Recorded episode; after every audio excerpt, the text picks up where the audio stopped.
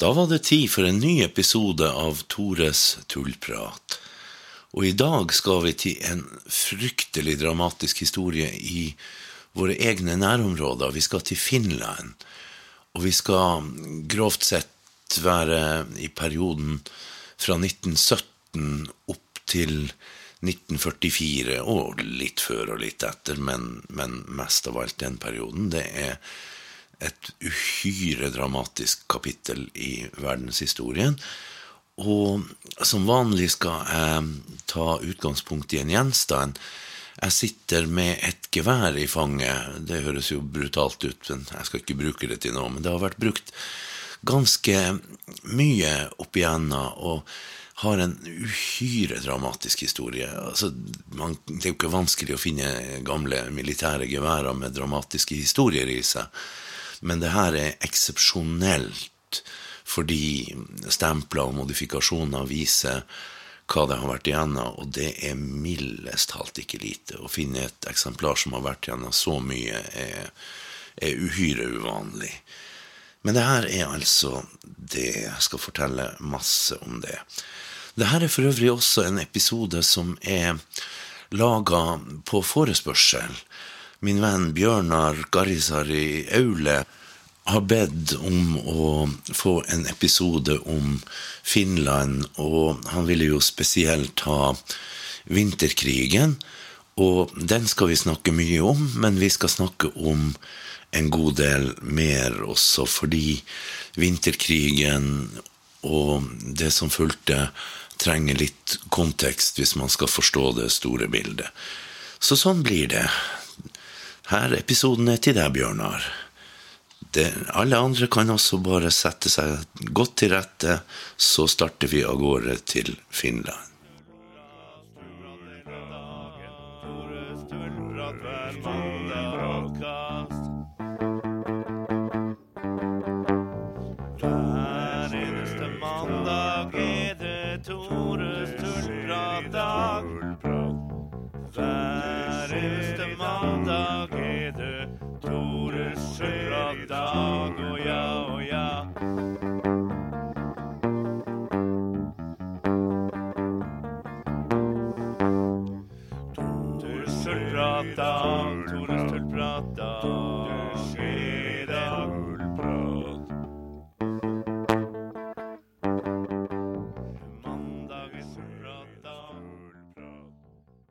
Vi får ta litt bakgrunnsinformasjon først, tenker jeg. Fordi det er ikke så enkelt med den tidligere historien her. Man må, må kunne litt om den før man forstår hva som skjedde seinere. Finland lå jo under svensk overherredømme lenge. Og et område vi skal snakke veldig mye om, som heter Karelen, ble jo da Altså lå jo da i stor grad under Finland, men det var jo et Vest-Karelen som lå under Finland, et Øst-Karelen som lå under Russland, og som tidvis var erobra av svenskene osv. Så, videre. så det er en mange hundre år gammel historie her hvor, hvor områder i Karelen har bytta hender. Befolkninga i Karelen har vært til dels etnisk finner, altså Kalevala blant annet det viktigste finske nasjonalepos er jo skrevet i Karelen av karelfinner, og det, samtidig så har det jo vært en, en større russisk etnisk russisk befolkning der som i perioder har avtatt og flytta ut og kommet tilbake. Altså det, det har vært et etnisk blanda område. Men det er ingen tvil om at det har vært mye, mye finner og en overvekt av finsk kultur i lange perioder der. Og sånn Ja, det, vi skal ikke ta mer detaljer rundt det, men det er veldig grovt regna sånn. Og Karelen, i hvert fall Vest-Karelen, var jo med i Finland da Finland løsrev seg fra Russland, men nå går jeg litt fort frem. For saken er at i 1809, så etter det som kalles finskekrigen, så overtok russerne Finland fra svenskene. Rett og slett erobra Finland. Og lenge så var finnene egentlig ganske fornøyd med det, for de var ikke sånn spesielt glad i sine svenske herskere. Men etter hvert, når russiske myndigheter forsøkte med en, en rett og slett russifisering av Finland og den finske kulturen, så oppsto en stadig sterkere nasjonalisme og et ønske om frihet fra Russland.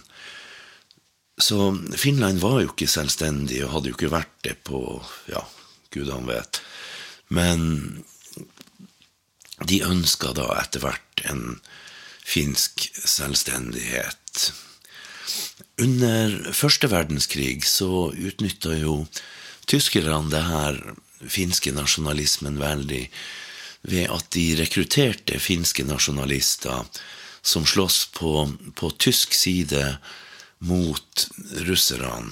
De ble organisert i, som såkalte jegersoldater og ble trena og utstyrt av Tyskland og slåss altså på tysk side mot, mot russerne.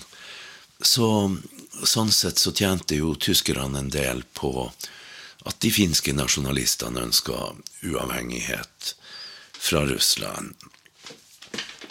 Så kom det jo en revolusjon i Russland på slutten av første verdenskrig. I oktober etter den russiske kalenderen, november etter vår kalender. Men den er nå kjent som oktoberrevolusjonen. Og da var det jo sånn at selvstendighet og frihet var jo blant de veldig, veldig viktige slagordene. Og ethvert folk står fritt til å, å følge sin egen skjebne, eller velge sin egen skjebne, var jo et vedtak i arbeiderrådene i daværende Petrograd, som i dag er St. Petersburg. Og i Finland så hørte man jo det her, og skyndte seg å erklære uavhengighet basert på det vedtaket. Men det var kaos i Finland, det var jo ikke bare i resten av Russland. Og man hadde bevegelser på, på venstre side, sosialdemokrater, kommunister osv., som ønska å ha en revolusjon i Finland. Det var på andre sida borgerlige og mer eller mindre ekstreme høyrebevegelser som ville ha et borgerlig Finland. Og det her konflikten eskalerte ganske kraftig og kulminerte i revolusjon og borgerkrig. Det skulle bli en relativt kort borgerkrig januar til mai 1918, men det betyr ikke at ikke den ble veldig blodig. De røde styrkene holdt Sør-Finland. De finske jegerne som slåss for tysk side, ble sendt hjem til Finland av tyskerne, og de ankom i tillegg til 13 000 tyske soldater som ble sendt ut for å å støtte dem, pluss da selvfølgelig lo lokalt rekrutterte soldater, mot da de røde som var væpna med, med, våpen som var igjen i Finland etter revolusjonen, og som slåss hardt for sin finske sovjetrepublikk. Så det ble en meget blodig borgerkrig, hvor det ble ja, foretatt forferdelige krigsforbrytelser. Borgerkriger er jo kjent som de verste av kriger på så mange måter, og finske borgerkrigen sto på ingen måte tilbake for det. Det var uhorvelig mange, mange henrettelser av fanger osv. Det var en 1600 henrettelser på rød side og et eller annet sted mellom 7000 til 10 000 på hvit side, i tillegg til at svært mange døde eller ble henretta i fangenskap etterpå av de hvite. Så det var blodig, og det skapte dype sår i Finland som til dels finnes enda, og i hvert fall prega mellomkrigstida. Så sånn var det med, med Finland og Finlands løsrivelse fra Russland. Og det vi skal huske som et sånt kjernepunkt for det som skulle skje siden, er jo det at at det som skulle bli Sovjetunionen, det var ikke blitt offisielt Sovjetunionen enda i 1918, hadde plutselig fått ei lang grense mot et tyskvennlig og sterkt antikommunistisk land, som de selvfølgelig anså da som en trussel, særlig ettersom de kort tid etterpå ble invadert av fem land, annet USA, Storbritannia, Frankrike, Japan, som da gikk inn i Sibir, i Nord-Russland og sånt. Og Sovjetunionen hadde jo en idé om at alle var imot dem, og den var ikke helt ubegrunna heller. Så den her frykta for invasjon via Finland var helt reell. Og det er nok litt av årsaken til at vi seinere skulle få en vinterkrig, og vinterkrigen er jo årsaken til at man seinere skulle få en fortsettelseskrig, osv. Og, og det skal jeg fortelle ganske mye mer om.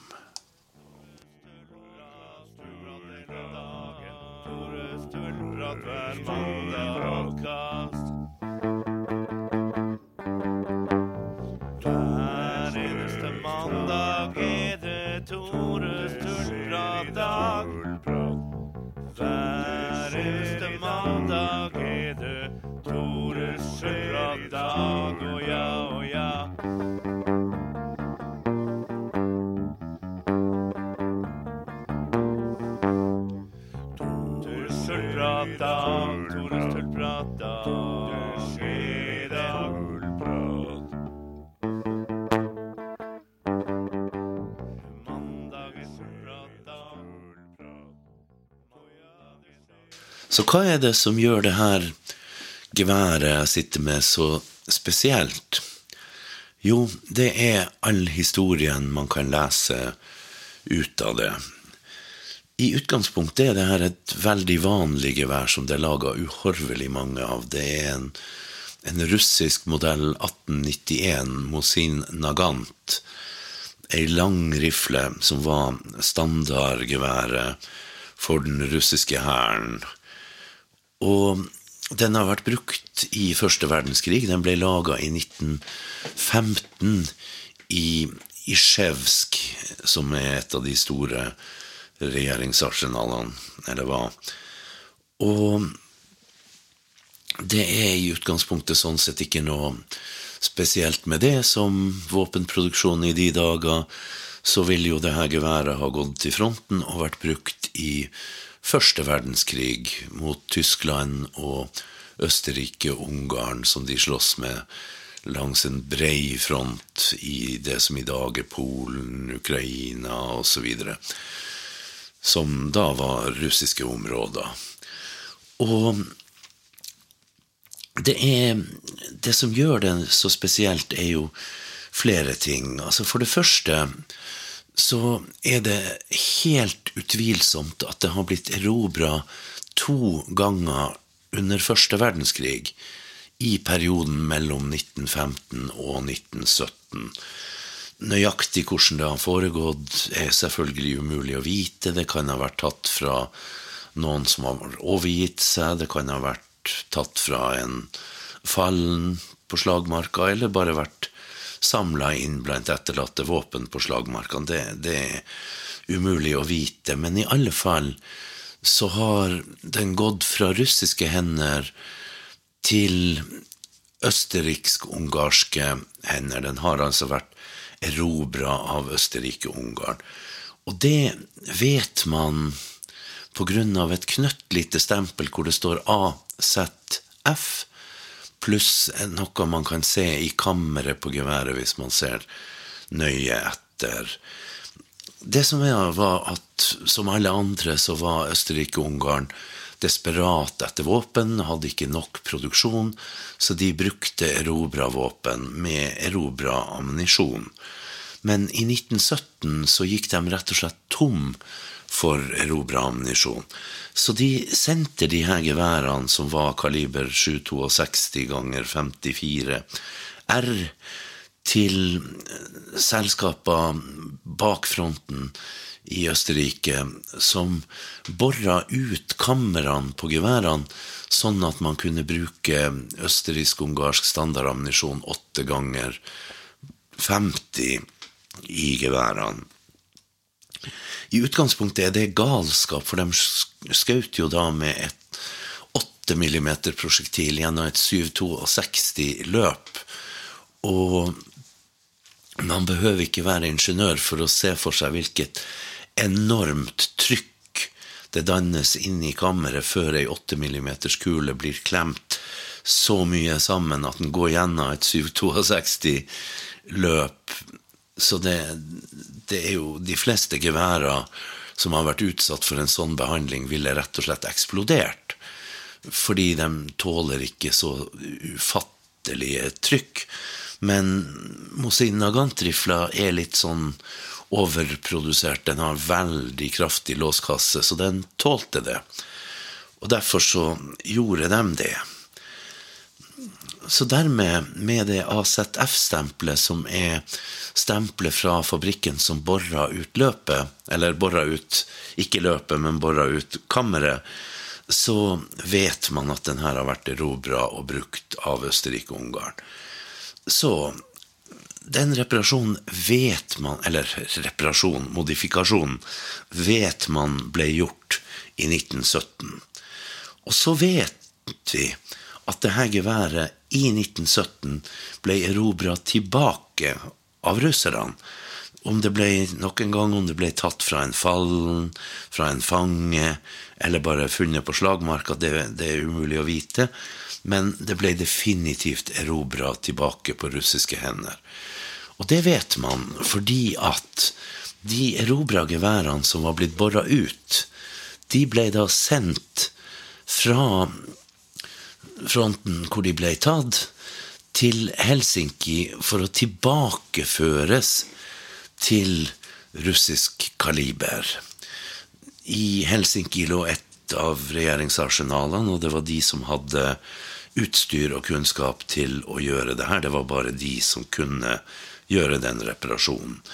Det de gjorde, var å bore ut kammeret enda mer, så de kunne sette inn rett og slett et nytt kammer i det hullet med det opprinnelige kaliberet. Og det vet vi ble gjort i 1917, det òg, så det er ingen tvil om at både modifikasjonen i Østerrike-Ungarn og modifikasjonen i Finland, som da var del av Russland, begge ble gjort i 1917. Så den, den gjenerobringa er lett å datere sånn noenlunde. Så ble de her våpnene liggende i Helsingfors, Helsinki, fordi det skjedde jo ganske mye dramatisk. I Russland brøyt revolusjonen ut. Og det ble et salig kaos. Fronten i øst, altså fronten mellom Tyskland Østerrike-Ungarn og Russland, brøt jo sammen. Soldatene, de russiske soldatene begynte jo å desertere. det i noen tilfeller skjøt de offiserene sine og gikk hjem. Altså, revolusjonen var i full gang, kaoset var stort, og det var da det her vedtaket jeg nevnte om at ethvert folk skal være fritt til å følge den skjebne de velger, falt, og Finland løsrev seg, og de våpnene ble dermed ikke levert til den russiske hæren, men ble liggende i Finland, sammen med de våpnene som styrkene, de finske styrkene hadde i Finland osv. Så, videre. så når revolusjonen kom, så, og, og de røde tok over hele Sør-Finland, så lå jo det her geværet på arsenalet i Finland klart til bruk i Helsinki, og de røde tok selvfølgelig de våpnene og brukte dem i borgerkrigen mot de hvite styrkene.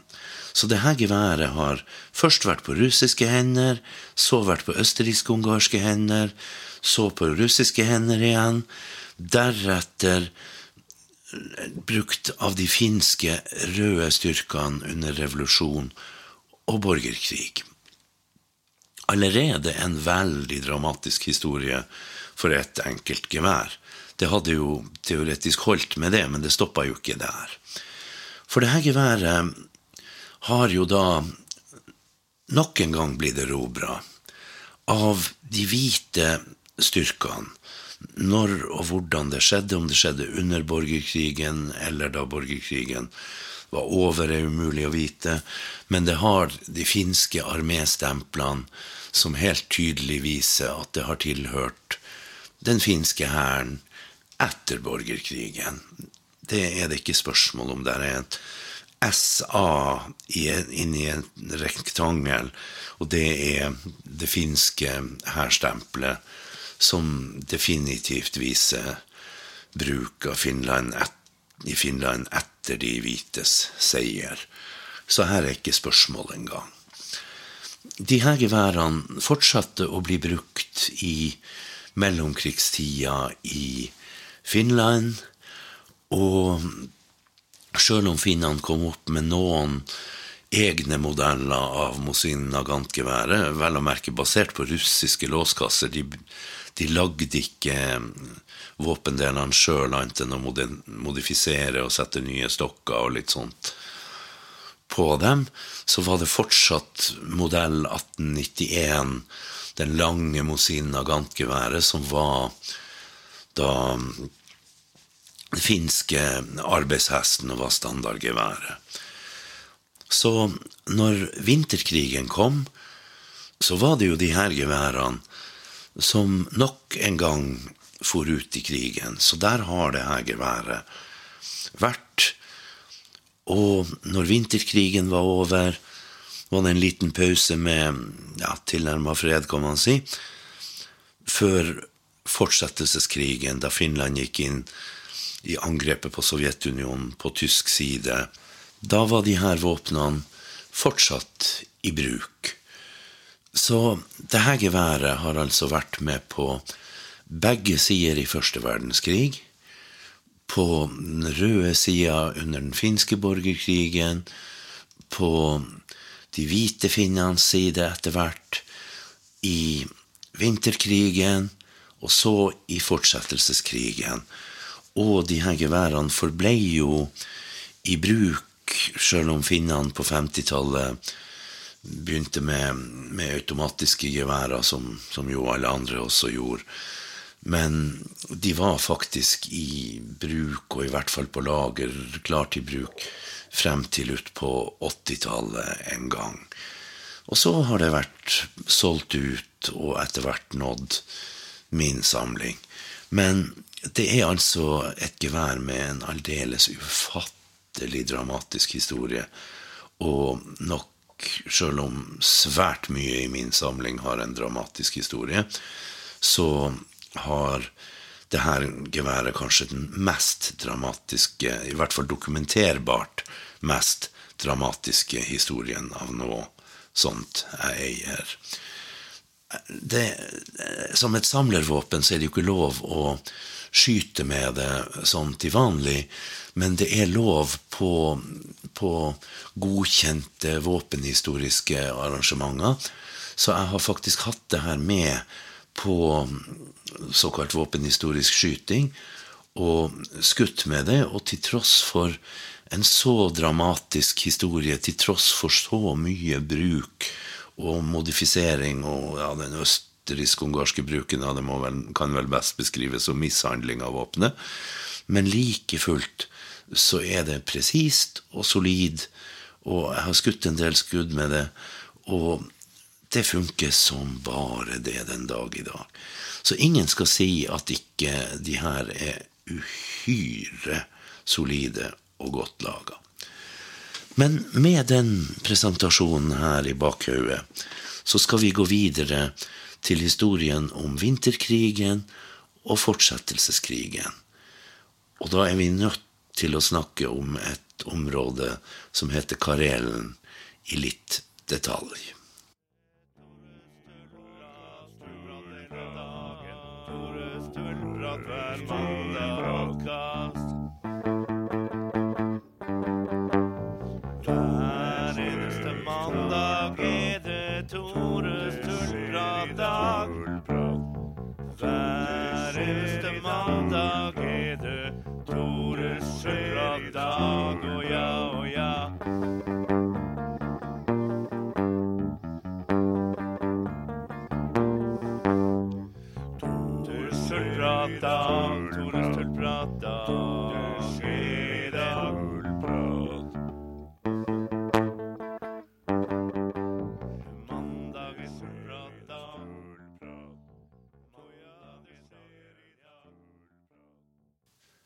Karelen, som i dag er den russiske republikken Karelia, og ser ut til å forbli det i all fremtid, må man tro. Det er jo et område som har vært omstridt fra mange hundre år tilbake. Det har vært kamper der mellom, mellom svenskene og myndighetene i Novgorod, da svenskene eh, erobra Øst-Karelen osv. Det har som sagt vært en blanda befolkning av etniske finner og etniske russere, og i det hele tatt det Sjøl om store deler av området er øde, øde områder, relativt øde, så er det store ressurser der inne, ikke minst tømmer. Mye, mye av det. Og det at Karelen grenser opp til Ladogasjøen, som jo da gir mulighet til transport via elva Njeva og ned til Østersjøen via det som i dag er St. Petersburg, det gjør jo at, at det er lett å få transportert trevirke og den slags type ting ut av området, også og ut til markedene. Så sånn sett, Karelen er på, på ingen måte, måte noe uviktig sted. Tvert derimot.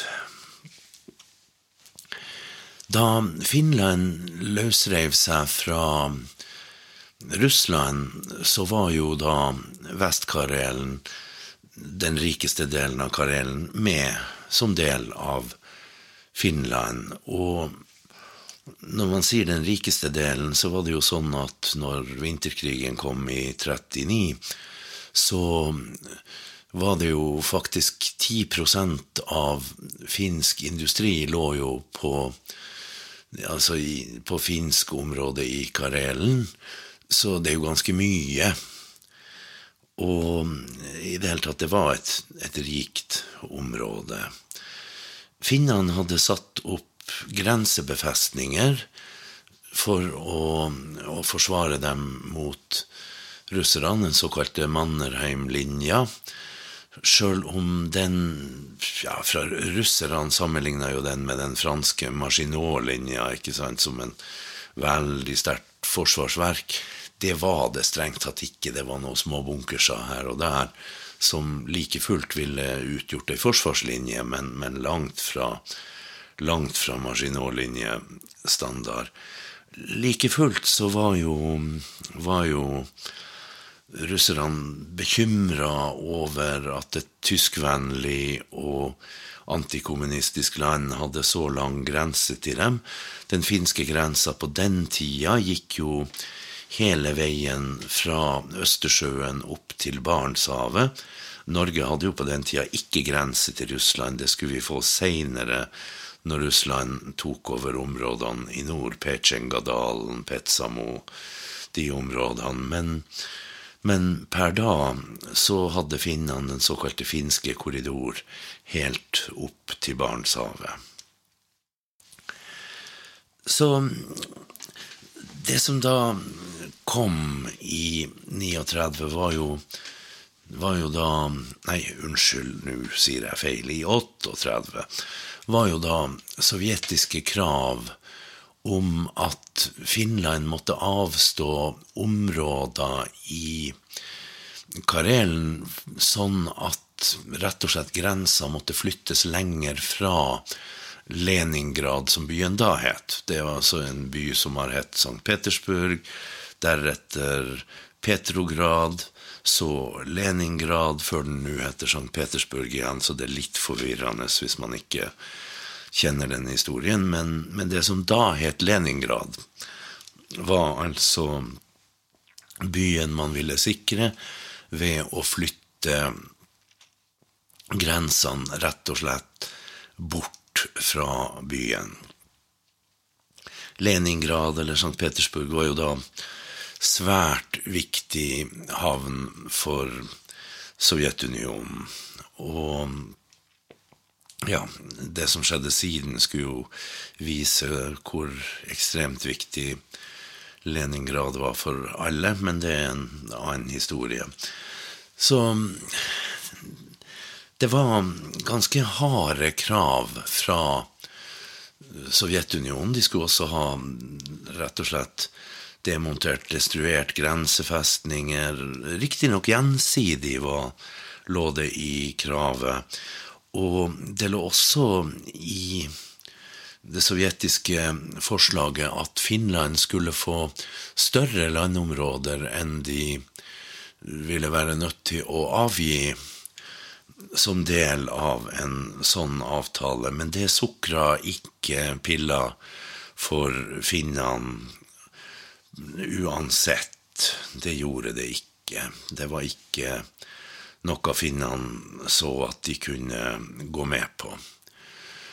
Og sånn fortsatte, fortsatte de her diskusjonene frem og tilbake gjennom 1939, og i det hele tatt Det var veldig fastlåst, og når finnene nekta å gå med på kravene, så skjerpa Sovjetunionen kravene, så det var nærmest så for hver gang man prøvde å forhandle, så ble motkravene større, og det lover jo aldri godt i ei forhandling, og det gjorde det jo heller ikke. Så utover høsten 39 mobiliserte finnene fordi de begynte å forstå at et angrep var, var nært forestående. Det var det jo.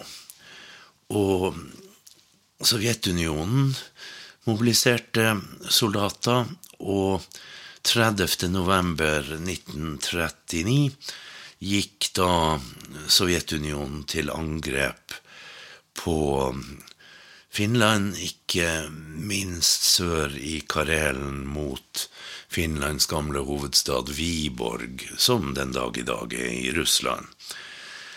Og allerede dagen etter dukka det opp ei ny finsk regjering som ingen hadde hørt om før. Hvilket ikke var så rart, fordi den ikke hadde eksistert før. Den såkalte Terijoki-regjeringa, som ble oppretta i Terijoki, som den dag i dag for øvrig også ligger i, i Russland, og var leda av Otto Ville Kosinen, som straks ble fordømt verden over som forræder, og hvis ikke vår hjemlige Quisling hadde vunnet den konkurransen og navnet hans da ble det internasjonale navnet for forræder, så, så ville nok Kosinen ha stått høyt på lista over kandidater for den tvilsomme æra. Og de erklærte seg jo som den eneste legitime finske regjering, ba den sovjetiske regjeringa om hjelp til å, å vinne Finland tilbake, og i det hele tatt ble anerkjent kun av Sovjetunionen da som finsk regjering. Men det var jo ikke så rart at sovjeterne da anerkjente den regjeringa ettersom de sannsynligvis hadde satt den sammen før de sendte dem til Finland. Så de herska jo da, i den grad de i det hele tatt fungerte som regjering, over områder som, finske områder som lå under sovjetisk kontroll. Men den regjeringa ble veldig kortliva fordi at Sovjetunionen valgte jo til slutt å inngå en fredsavtale med, med den finske regjeringa i Helsingfors i stedet. Så det endte jo med at Sovjetunionen faktisk anerkjente den, den opprinnelige finske regjeringa. Men uansett, krigen var et faktum. Og i noen vintermåneder så var det jo sånn Altså, det hadde vært flere planer om angrep mot Finland. De mest realistiske så jo for seg da månedsvis med krig for å klare å bringe Finland i kne. Men det var ikke godt nok for Stalin og hans hærledelse. Så det endte med en overoptimistisk plan der man skulle ta Finland i løpet av tolv dager. Og det var store styrker. Det var mange ganger flere enn finnene, i tillegg til et, et stort overtak i antall soldater. Så hadde sovjetstyrkene fem ganger mer panservogner enn finnene. De hadde uendelige mengder mer artilleri. De hadde uhorvelig mange flere fly. Det var i det hele tatt en overveldende stor hær som angrep et lite land. Og den store overraskelsen, den var jo da at finnene beit steinhardt fra seg. De klarte, altså selv om de ikke selvfølgelig klarte å overvinne sovjethæren, så beit de seg fast og sloss steinhardt for hver kvadratmeter med jord. Og det gikk forferdelig mye mer trått for sovjetsoldatene enn man skulle tro, og de hadde veldig store tap.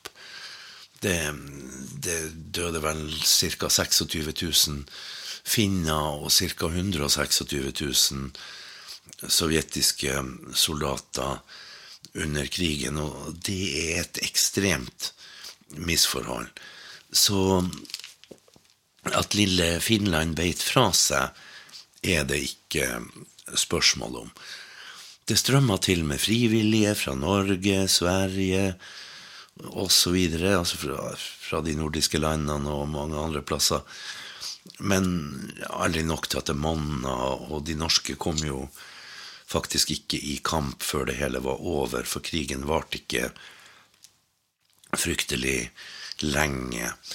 Det var helt forferdelige forhold ved fronten, det var iskaldt, soldater frøys i hjel. Veldig mange frøys i hjel i forhold til de som døde i kamphandlinger. Det var i det, i det hele tatt en, en uhyggelig fæl krig på så mange måter. Men det endte jo med en fredsavtale. Det måtte jo det. For Finland, selv om de unngikk å bli okkupert, så var det jo ingen mulighet for dem til å beseire Sovjetunionen på slagmarka totalt sett. Det kunne aldri gått. Så det ble en fredsavtale der finnene avsto ca. 10% av landarealet sitt, inklusiv da 10% av industrien sin, og en tilsvarende andel av Finlands befolkning måtte flykte fra Karelen og inn til det gjenværende Finland. Og Sovjetunionen tok over de her store områdene, inklusiv som sagt Finlands gamle hovedstad Viborg. Og ja, jeg syns det oppsummeres egentlig godt med, med Veinø Linne sine ord. Nå tar jeg det bare fra minnet, så om ikke det er ordrett, så får man tilgi meg, håper jeg.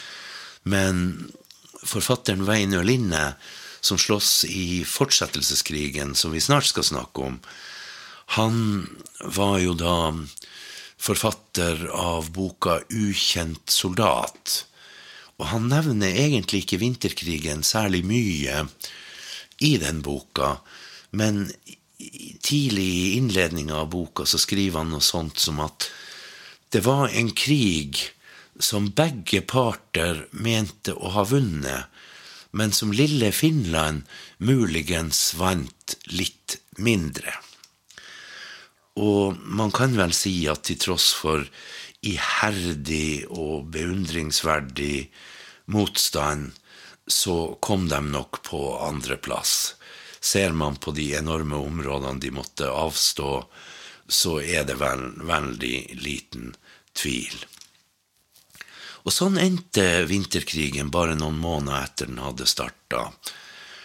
Og det ble en periode med, med fred, men det skulle bli mer bråk ikke veldig lenge etterpå. Og det skal vi straks høre litt mer om.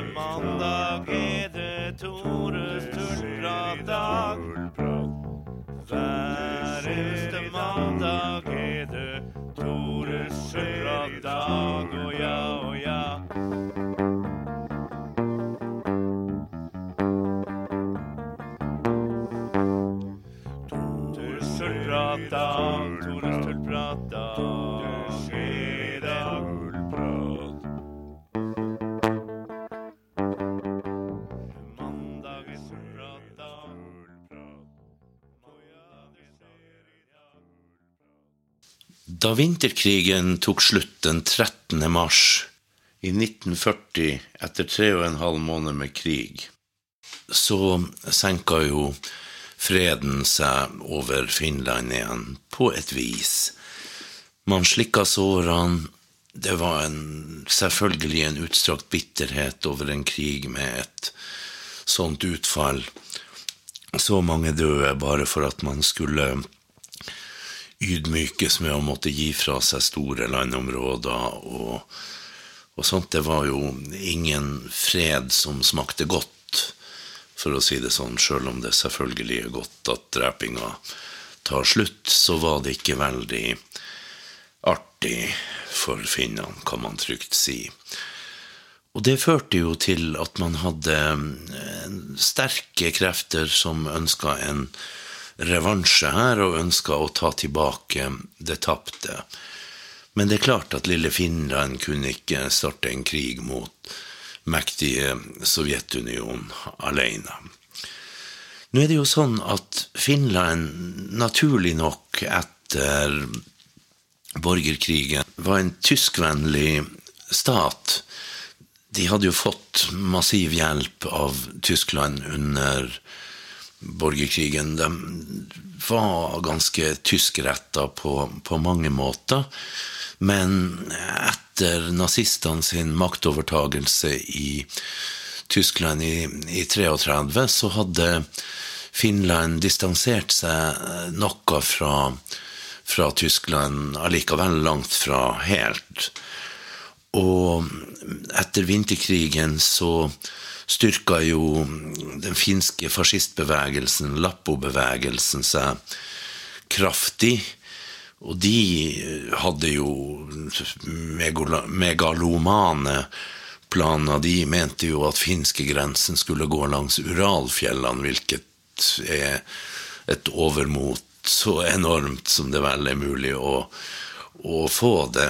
I det hele tatt, altså da Tyskland gikk til angrep på Sovjetunionen sommeren 1941, så gikk Finland med sammen med dem og gikk til angrep på Sovjetunionen.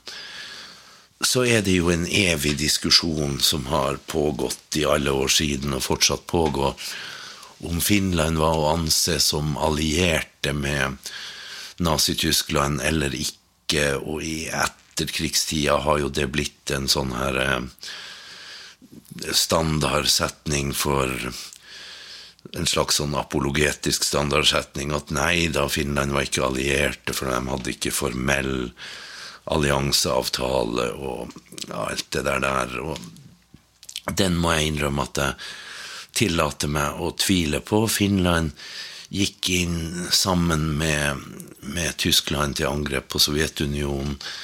Det var koordinerte angrep. De hadde til tider finske tropper under tysk kommando og omvendt ettersom det passa seg.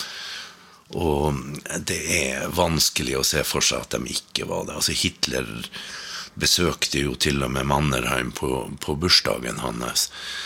Det er jo faktisk litt artig at det eneste opptaket av Hitlers normale stemme, altså, altså den måten han snakka på når han ikke talte, ble tatt på et tog da Hitler var i samtale med Mannerheim på Mannerheims fødselsdag.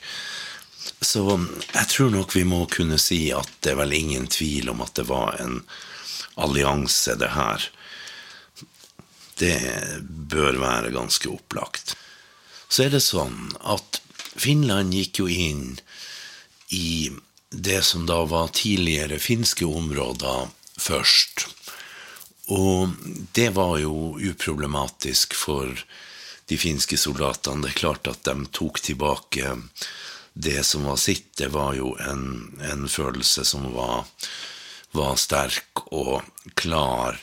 Det ble litt annerledes når de gikk over de gamle grensene og inn i russisk-Karelen, som ikke hadde vært finsk, for da var de plutselig blitt erobrere.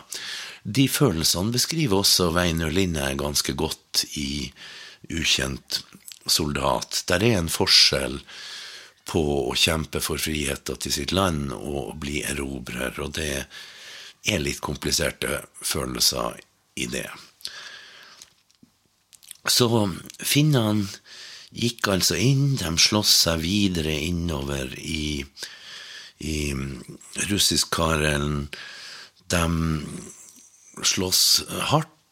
De inntok etter hvert annet Petrosavodsk ved, ved Onegasjøen, som er en viktig by.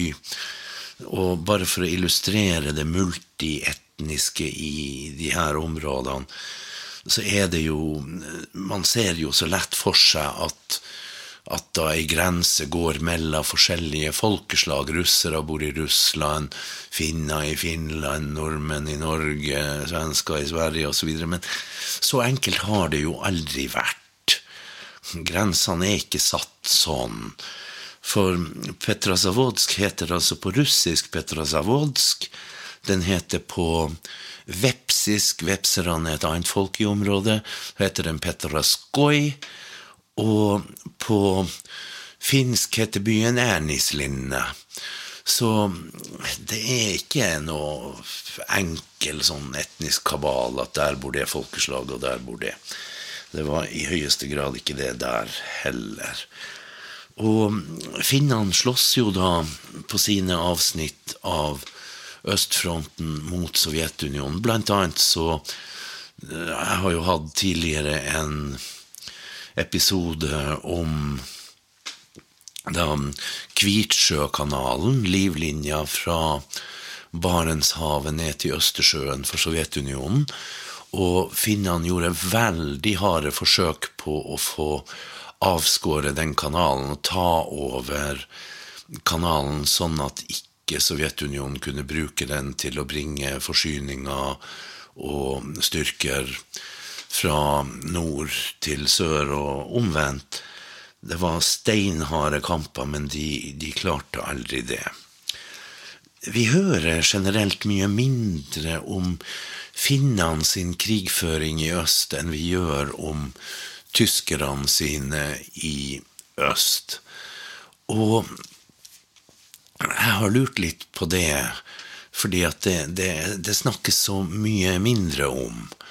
Men en mulig forklaring er vel rett og slett at der, der de tyske nazistiske troppene begikk aldeles ufattelige overgrep nedover utsletta landsbyer, brant sivilbefolkninga inn i kirker og sånt, og gjorde en regelrett, drev en regelrett utryddelseskrig mot sivile, så dreiv jo ikke finnene sånn.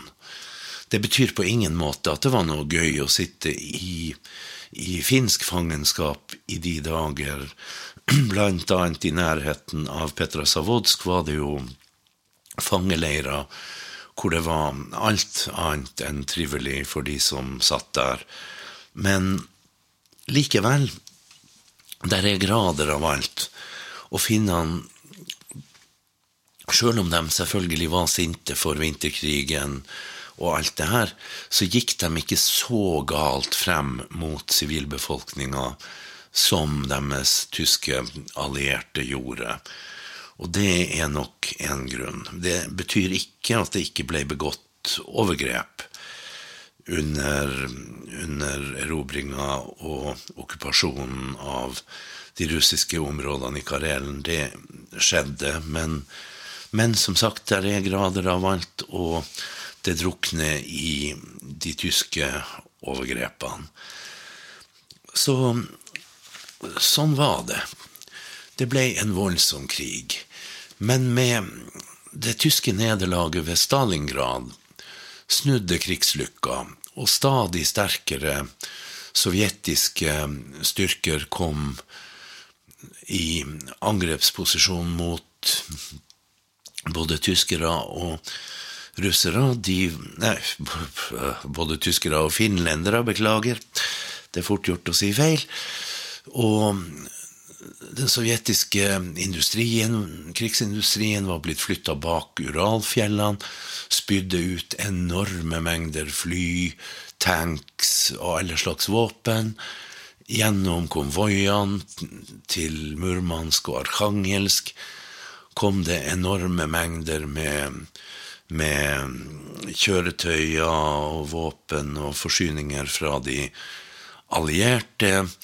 I det hele tatt. Det, det var etter hvert en stadig sterkere sovjetisk hær som kom på offensiven og begynte å drive de tilbake.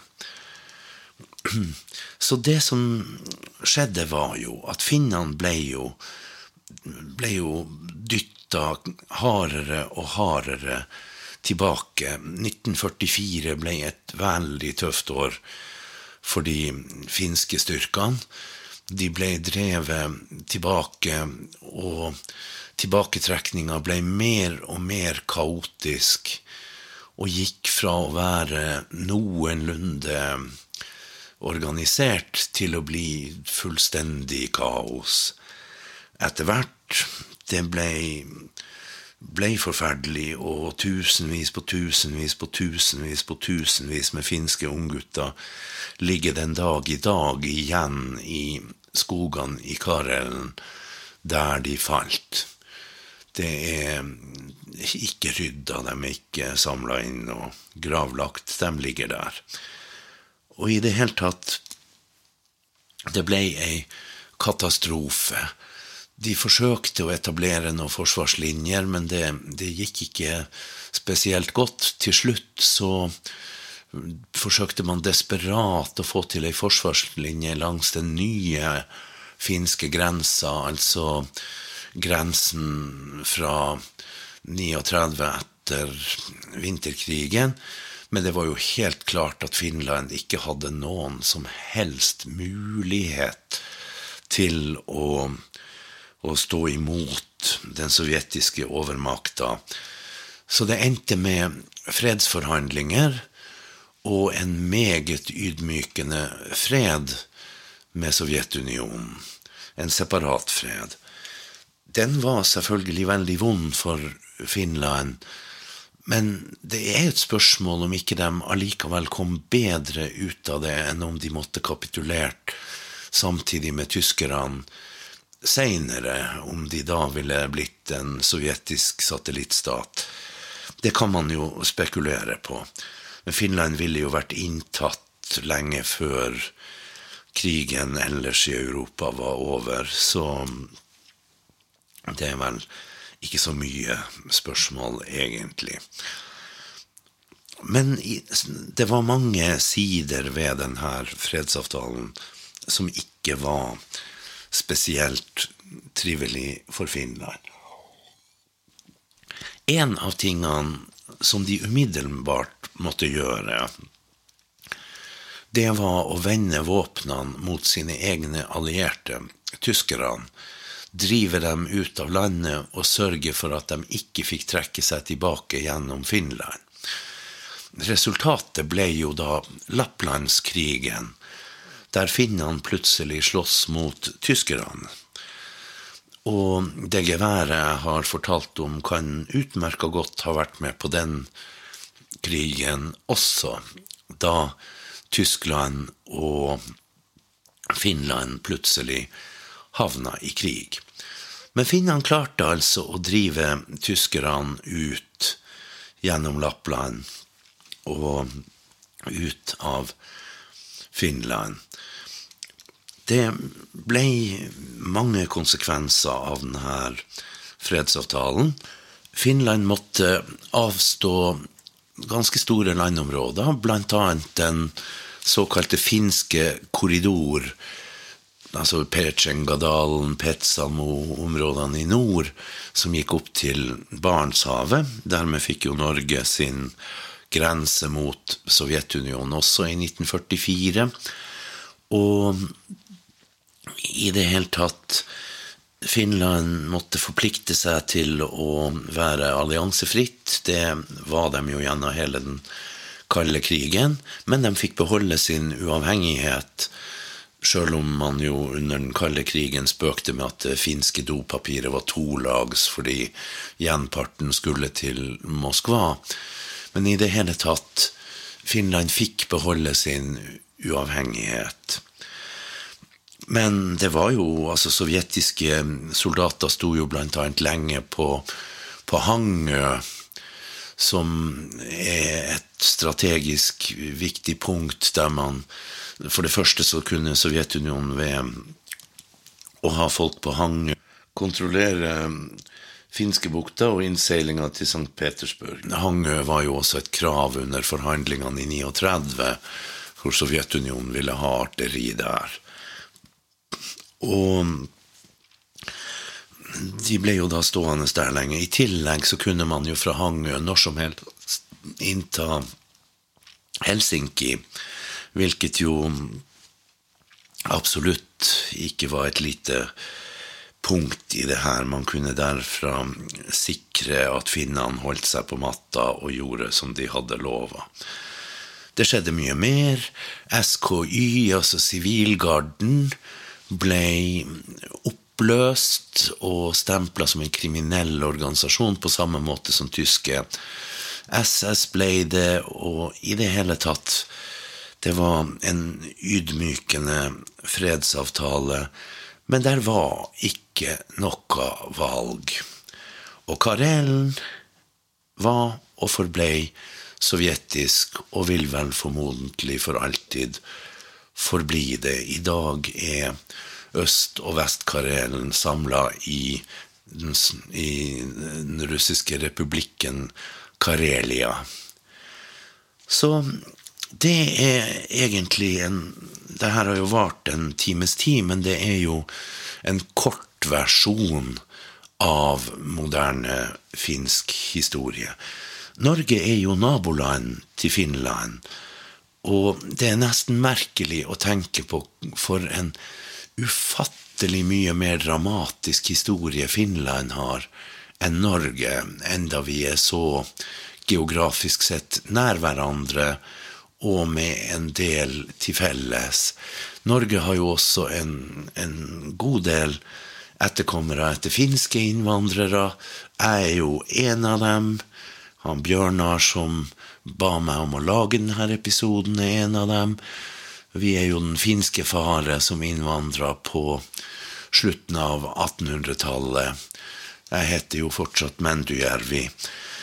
Og ja, vi har jo en historie som er vikla inn i den finske på flere måter.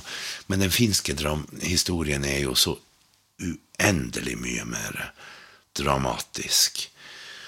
Men der er vi. Sånn er det. Det her har vært en lang episode til å være en med bare meg, men sånn er det. Iblant så kan man ikke korte det ned til en halvtime hvis man skal si noe med noe mening. Så nå sitter jeg her og ser på det her geværet som jeg har fortalt dere om, og tenker på hvor ufattelig mye rart det her våpenet har vært med på. Hvor mye dramatisk, hvor mye menneskelig lidelse det må ha bevitna. Og for en ufattelig historie det har. Og det er nesten uforståelig for meg at geværet fortsatt en dag i dag er fullt fungerende og skytbart og ikke utslitt og ødelagt. Men sånn er det.